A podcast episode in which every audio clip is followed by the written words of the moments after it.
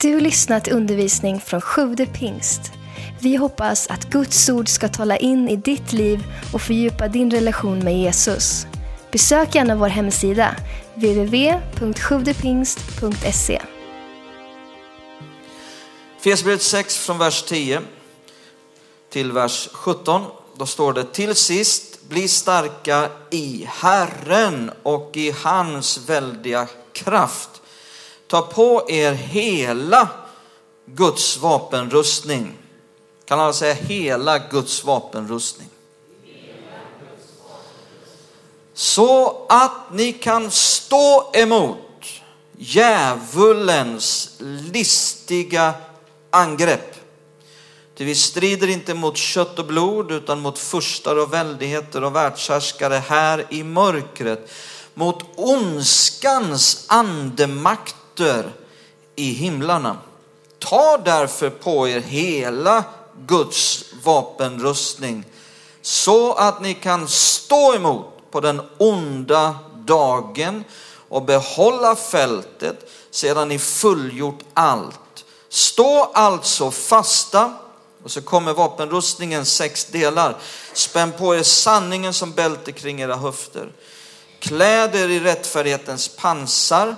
Sätt som skor på era fötter den beredskap som fridens evangelium ger. Ta dessutom trons sköld, med den kan ni släcka den ondes alla brinnande pilar. Ta emot frälsningens hjälm och andens svärd som är Guds ord. Jag vill börja här idag med en, en väldigt ärlig och uppriktig fråga till er allesammans. Hur många här inne, hand upp, skulle säga jag är rättfärdig? Mycket ärlig och uppriktig fråga. Så ska vi se vad, vad det blir på slutet sen. Nu vet vi hur det är i början av predikan. Den här sommaren så har vi ett tema som är rustad för livet. Då vi går igenom de här sex delarna i vapenrustningen. Och det är för att det finns en kamp. Det finns en andlig kamp. En andlig strid. Och det finns en, en mycket verklig fiende. Och denna fiende är, är en med listiga angrepp. De här angreppens syfte det är att eliminera dig. Angreppens syfte är att eliminera Guds församling. Angreppens syfte är att sätta dig ur spel.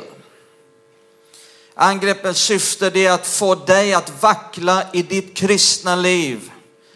Och om möjligt även få dig bort ifrån din Herre Jesus Kristus. De här angreppen sker på många olika områden. Och det är därför som det står, ta på er hela Guds vapenrustning. Och det är därför som vi då har det här temat den här sommaren då vi just går igenom hela Guds vapenrustning och alla delarna i det. Eh, du behöver få på dig en heltäckande rustning och sen också leva i den, inte ta av dig den på kvällen. Jag har hört någon som har sagt ibland, man måste, man måste börja varje dag med att sätta på sig Guds vapenrustning. Men snälla, varför har du tagit av den undrar jag? Lägg märke till också att det står Guds vapenrustning. Guds vapen. Lägg märke till de här två orden, hela och Guds. Det handlar inte alls inte om att du ska ha en, din egen rustning, utan det är Guds rustning som du behöver ikläda dig. Så min första punkt här idag, det är helt enkelt iklä dig hela Guds vapenrustning. Det berättas om kejsar Napoleon på sin tid att han eh, eh, ville få en skottsäker dräkt. Så han frågade en väldigt skicklig hantverkare om det överhuvudtaget var möjligt att skapa en skottsäker dräkt. Och den här hantverkaren sa, jo men jag tror absolut att det är möjligt. Så eh, Napoleon han gav den här hantverkaren i uppdrag att skapa en skottsäker dräkt och sa var väldigt noga nu, ta mycket tid på dig eh, i det här arbetet. Eh, och den här hantverkaren gjorde precis det. Han tog massor av tid, han la ner mycket möda och mycket arbete på att skapa den här skottsäkra dräkten. Eh, och sen när den då till sist var klar och eh, Napoleon skulle inspektera och granska den här dräkten Eh, så frågade han då hantverkaren, är du helt säker på att den här dräkten är helt skottsäker? Jajamän, sa hantverkaren, jag är helt säker på att den här skyddar mot alla kulor. Om du så skulle hamna i ett regn av kulor. Sätt på dig den, sa Napoleon. Så han satte på sig den och så tog Napoleon mycket tid med att granska hur den satt på kroppen och hur den skyddade kroppen. Och, och sen så drog han fram sin pistol och siktade och hantverkaren skrek nej, nej, testa den inte på mig! Du sa själv att den var skottsäker. Boom! Och till hantverkarens stora glädje och lättnad så visar den sig vara helt skottsäker. På samma sätt har Jesus Kristus skapat en rustning, en dräkt för våra liv som är helt säker. Vi kan vara helt trygga i denna dräkt Eh, den står pall, den är helt säker mot alla den ondes alla brinnande pilar och alla attacker. Den skapar en, eh, ett skydd för den kristnes hela liv. Men inte bara det, vår Herre, vår kapten, han har själv testat den här dräkten. För det står ju Guds vapenrustning, så han måste ju ha haft på sig den vid något tillfälle. Och Jesus har haft på sig den här, han har testat den. Ni vet hur Bibeln säger hur han blev född ut i öknen av, och där skulle han frestas och prövas av djävulen under 40 dagar. Och under 40 dagar så höll djävulen på att försöka tränga igenom den här dräkten. Men det enda som djävulen fick var en massa brutna och eh, skadade pilar. Och inte bara detta, tusentals och åter tusentals soldater för Kristus har haft den här rustningen på sig genom långa tider och den har visat sig vara helt säker mot alla kulor och brinnande pilar. Halleluja! Eh, så varje Kristi soldat får en stark uppmaning att så fort man blir frälst sätta på sig, få på sig och leva i den här vapenrustningen. Det är av yttersta vikt. Vad vi talar om den här sommaren är bland det absolut viktigaste i det kristna livet. Lägg också märke till det vi sa här var att det står hela vapenrustningen, inte bara halva. Det går inte bara att sätta på sig en halv del och säga, åh det här var ju en väldigt fin del här, jag springer runt med en sköld nu, jag har fått på mig skölden. Nej, du behöver hela vapenrustningen på dig därför att djävulen kommer att sikta där du är som svagast. Där du inte har något skydd. Där kommer han att sikta på ditt liv. Och det är därför som vi ger den här undervisningen om hela Guds vapenrustning. Om du inte är med varenda söndag här nu så har vi en fantastisk podcast. Du kan lyssna på vår podcast. Där får du hela vapenrustningen om du har missat någon del. För saken är att tyvärr kristna i vårt avlånga land är så ofta för dåligt rustade. De är ungefär som en eh, hockeyspelare som kommer inglidande på isen med klubban i högsta hugg och inte bättre rustade än att de har en simhopparutstyrsel på sig. Eller i bästa fall en fin kostym. Och när de då faller offer för fiendens kulor och brinnande pilar, då tror de att det är Gud som ligger bakom det hela. och får för sig att det är Gud som av någon mystisk, outgrundlig anledning vill att jag ska genomlida detta. Nej, det finns en väldigt verklig fiende. Rättfärdighetens pansar då. En viktig del i vapenrustningen är det vi ska tala om idag. Rättfärdighetens pansar. Kan alla säga rättfärdighetens pansar? Det vill säga vi behöver rusta oss med ett pansar som handlar om rättfärdighet, som har med rättfärdighet att göra.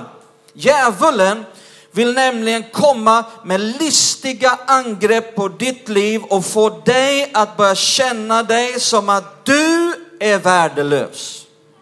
Som att du är ett stort misslyckande. Som att du är en dålig kristen. Eh, du är en syndare som bara misslyckas hela tiden och du ska inte tänka att Gud tycker om dig. Gud vill inte svara på dina böner. Gud vill inte använda dig. Han vill få dig att tappa all frimodighet inför Gud och inför människor och därmed lamslå dig fullständigt. Det är en sån tydlig strategi från den onde.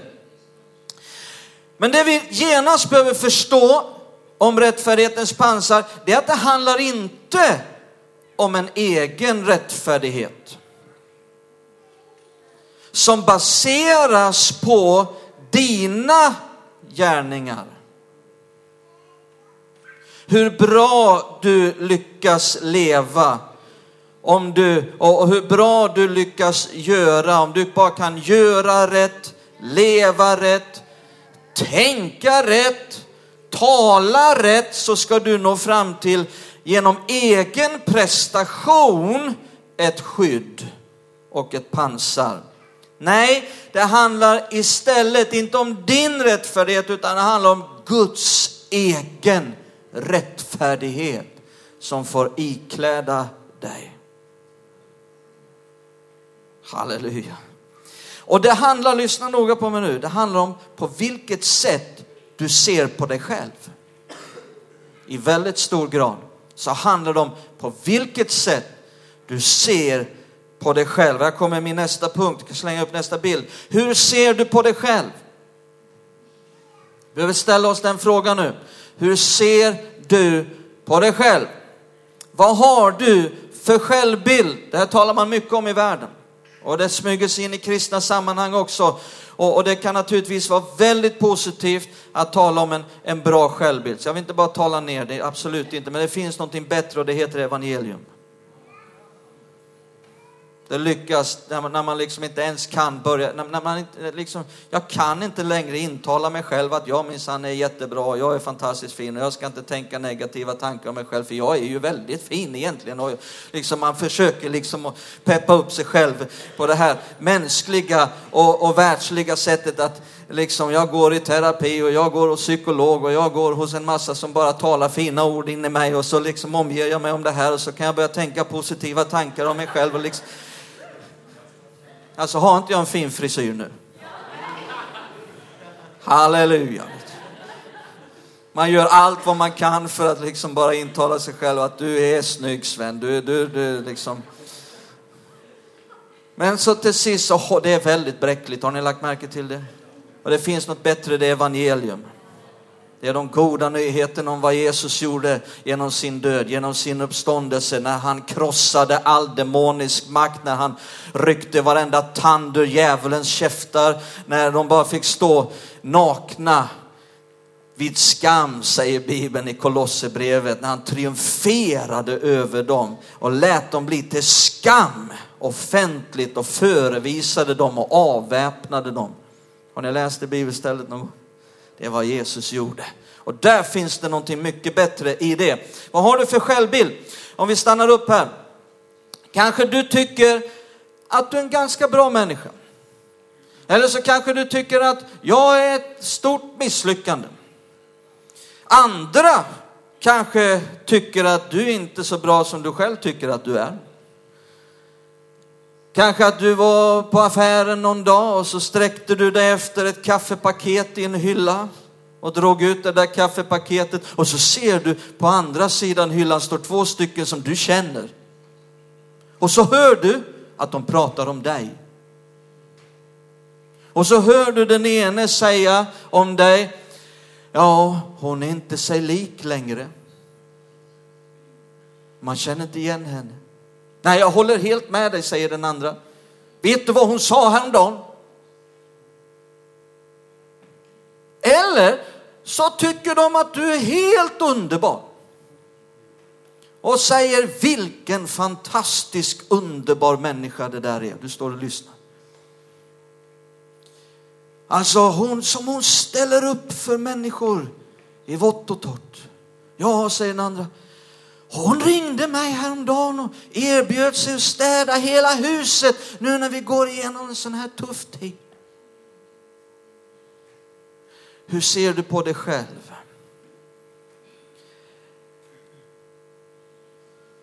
Ser du på dig själv genom dina egna ögon?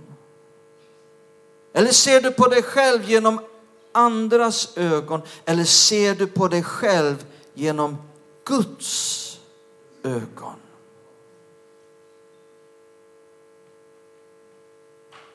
Och här kommer min sista punkt. Det ska bli en väldigt lång punkt. Jag bara skojar. Se på dig själv genom Guds ögon. Titta här ska ni få se Filipperbrevet kapitel 3. Kommer efter Efesierbrevet. Filipperbrevet 3. Då säger Paulus om sig själv här, Filipperbrevet 3, vers 4. Från vers 4 till vers 9. Fast också jag kunde förlita mig på yttre ting. Ja, om någon menar att han kan förlita sig på yttre ting så kan jag det ännu mer. Jag som blev omskuren på åttonde dagen. Är inte det fantastiskt? Kunna skryta med. Och som är av Israels folk och Benjamins stam, en hebre född av hebreer. Jag som i fråga om lagen var en farisé i fråga om iver, en förföljare av församlingen, i fråga om rättfärdighet, den som vinns genom lagen, en oklanderlig man. Men allt det som var en vinst för mig räknar jag nu som en förlust för Kristi skull. Ja, jag räknar allt som förlust därför att jag har funnit, lägg märke till, han har funnit någonting. Han har hittat någonting. Jag har funnit det som är långt mer värt. Kunskapen om Kristus Jesus min Herre. För hans skull har jag förlorat allt och räknar det som vad då? Avskräd är ett finare ord för, ja, jag ska inte säga ordet. För att jag ska vinna Kristus. Och titta nu, här kommer det. Och bli funnen i honom inte i dig själv, utan i honom. Inte med min egen rättfärdighet, den som kommer av lagen och goda gärningar, utan med den som kommer, den som kommer genom tro på Kristus. Rättfärdigheten från Gud genom tron. Ser ni de här verserna, vad handlar det om? Jo, att Paulus hade verkligen lyckats bra. Han kunde räkna upp en lång lista som skulle kunna skapa en väldigt bra självbild om honom själv och för honom själv. Han var född i rätt familj. Han hade gått i rätt skola. Han hade lyckats som jude. Han hade också lyckats som en Herren Jesu tjänare. Han var långt före alla andra. Men all denna egen rättfärdighet, det var av inget värde för Paulus. Han räknade till och med som avskräde. Och nu talar vi inte om de dåliga gärningarna han gjorde, de goda gärningarna. i det här sammanhanget, i den här kontexten, räknar han det som avskräde i jämförelse med en annan typ av rättfärdighet. Så är det inte mer värt än avskräde. För han hade, han hade sett, han hade funnit, säger han, en större, en bättre rättfärdighet. En rättfärdighet som kommer från Gud och som bara kan tas emot genom tro på Jesus Kristus. Det var den han hade funnit. Och Paulus förstod också att allt det goda han hade gjort, alla de fina gärningarna, allt han hade lyckats med, ja det skapade inte en större rustning, det skapar inte ett större pansar än att han nätt och jämnt, han kanske kunde täcka naveln med det pansaret.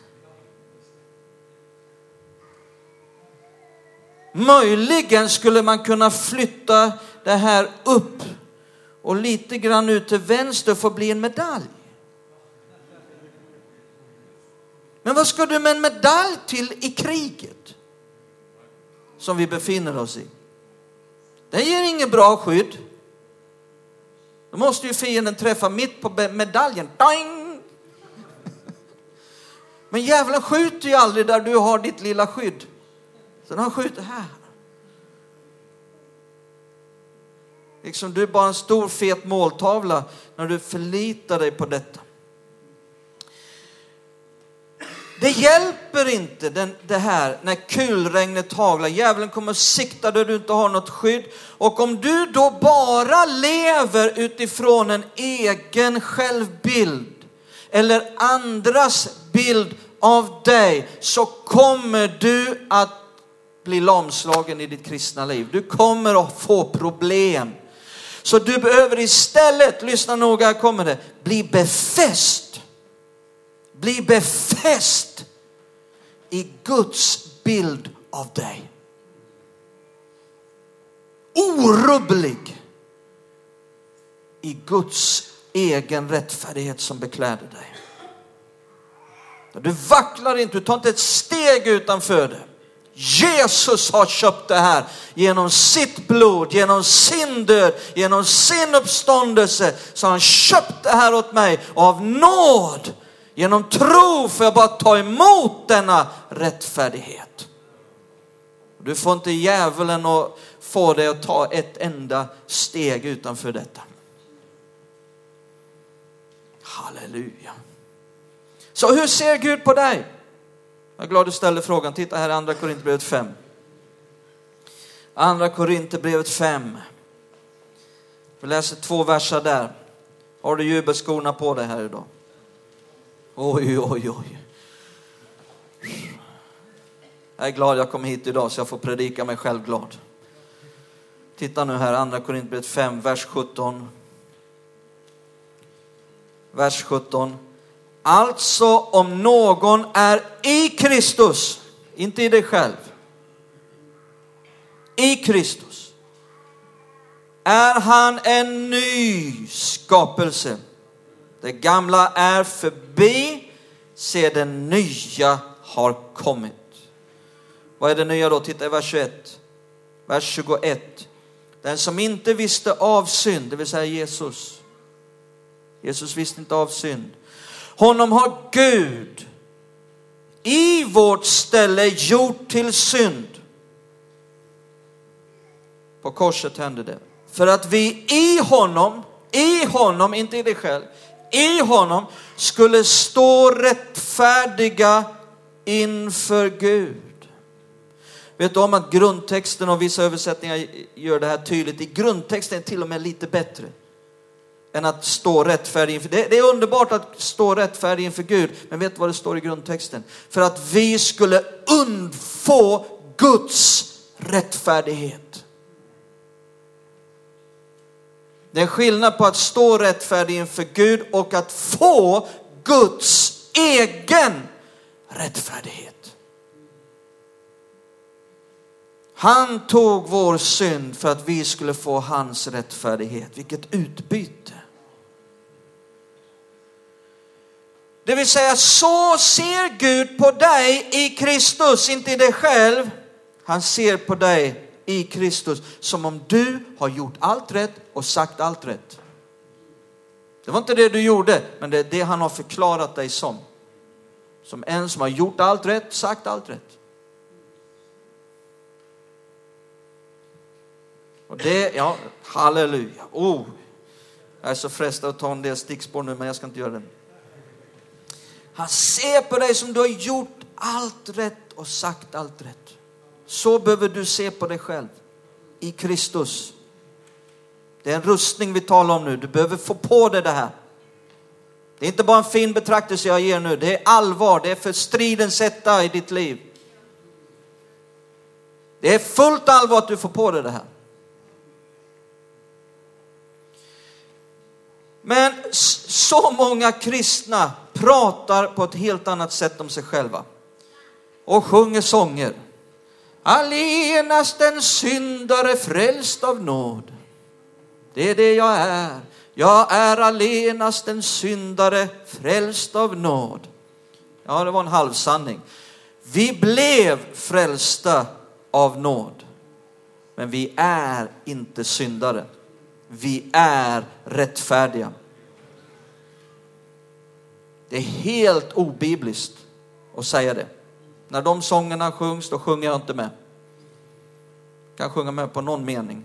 Halleluja, bli salig. Prisad vare Herren. Men vissa meningar blir tyst. För jag är inte en syndare. Jag var det. Titta här vad det står i Romarbrevet 5. Paulus skriver ett helt brev. Det kommer först bland alla brev för man har ansett att det var det viktigaste. När man kanoniserade. Och ändå har inte kristna fått tag om det här. Titta vad det står här i Romarbrevet 5, vers 1. Vers 1. Då vi alltså har förklarats rättfärdiga av tro har vi frid med Gud genom vår Herre Jesus Kristus.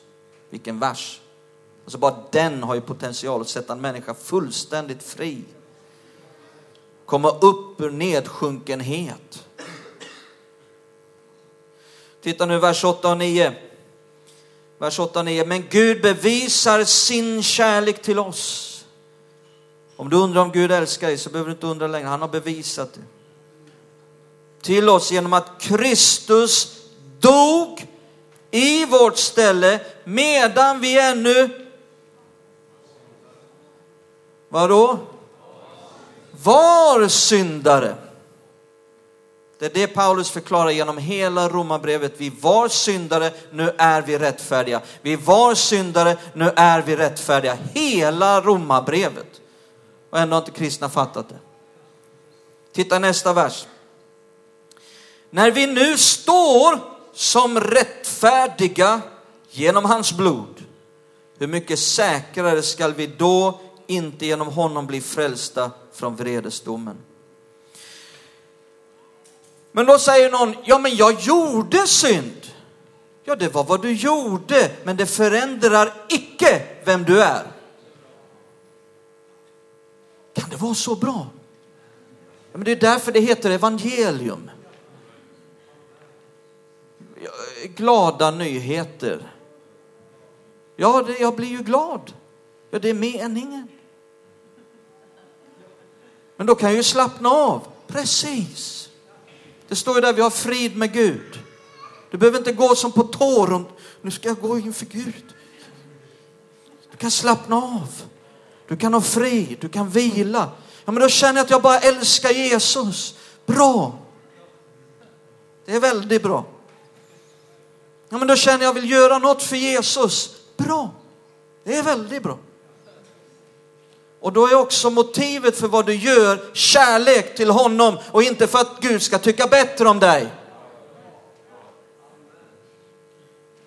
Se, evangelium, det gör någonting med oss. Och det får oss på rätt köl. Det är därför den här församlingen baserad på nåd, inte på dom. Domkyrka får man ha någon annanstans. Här är det nådskyrka. Nåd. För där skapas kärleken till Gud. Titta här i Fesbrevet 4. Om du inte har jublat än så ska du få en ny chans. Fesbrevet 4, vers 24. Fesbrevet 4, 24. Det är strax innan vapenrustningen, där i kapitel 6, och så skriver Paulus i kapitel 4. Ni har iklätt er den nya människan, den nya skapelsen, som är skapad, lyssna nu, till likhet med Gud. Woo! På vilket sätt? Jo, i sann rättfärdighet och helighet. Skapa till likhet med Gud, alltså samma kvalitet och nivå av rättfärdighet som Gud är, lika rättfärdig är du. För det är det enda som duger någonting till. Och du blir inte mer rättfärdig när du kommer till himlen. Du, är, du som har tagit emot Jesus som din personliga frälsare och Herre och tror på hans död. Du har nu blivit så rättfärdig som du någonsin kommer att vara. Är inte det underbart? Och det här borde då påverka hur vi kommer inför Gud. På vilket sätt vi kommer inför Gud. Så ska vi avsluta här i Hebreerbrevet 4. Hebreerbrevet 4. Det här borde påverka hur vi kommer inför Gud. Titta i Hebreerbrevet 4 och 16. Hebreerbrevet 4 och 16. Låt oss därför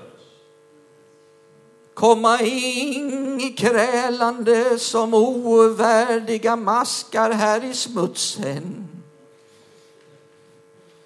Nej, så står det inte. Käre Jesus, bara ett plåtskjul i utkanten av eh, kanans land är mig nog. För jag är en ovärdig syndare och mask som krälar här. Nej, så står det inte. Hur stod det? Låt oss därför frimodigt gå fram till domens tron Nej, så står det inte. Nådens tron. Hans tron är nådens tron. Och därför är hans församling nådens församling. och Därför är hans budskap nådens budskap. För att få barmhärtighet och finna nåd till hjälp i rätt tid. Jag var på ett bönemöte en gång. Jag älskar att komma på bönemöten och är jag någonstans så kan det hända att jag dyker upp på ett bönemöte. Halleluja. Jag var i en stad här i Sverige, vid, eh, i Örebro. Jag studerade där en del år sedan. Och så kände jag, nu vill jag gå på ett bönemöte. Var finns det ett bönemöte? Så jag läste i tidningen, så såg jag bönemöte i en viss kyrka, så jag åkte dit. Och det var ett härligt bönemöte. Det var så mycket som var underbart, det var så mycket som var bra. Men mitt i samlingen där, där vi alla låg på knä och bad, så plötsligt så höjs det en from stämma. Käre Gud. Jag alltid undrar varför man måste dallra på rösten när man ska tala med Gud. Käre, jag undrar om man hör bättre om det blir vissa, vissa vibrationer. Käre Gud, förlåt din tjänare att han ännu en gång vill tala med dig. Förlåt din tjänare att han ännu en gång vill komma inför dig. Jag tänkte, men snälla, kan någon hjälpa denna stackars människa? Behöver vi be om förlåtelse för att vi kommer inför Gud? Det skulle vara lika koko som om Christian som är på väg i tåget här nu ner till oss från Stockholm till Skövde denna eftermiddag kommer hem till mig på Tjädervägen 5 i Hentorp och säger pappa, förlåt din son att han ännu en gång vill prata med dig.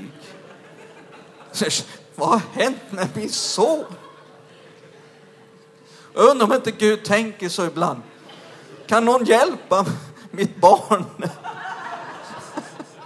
För nu, och jag hoppas att denna enkla undervisning och predikan har hjälpt någon här idag. Tack för att du lyssnat. Glöm inte att du alltid är välkommen till vår kyrka. Du hittar mer info på www.sjuvdepingst.se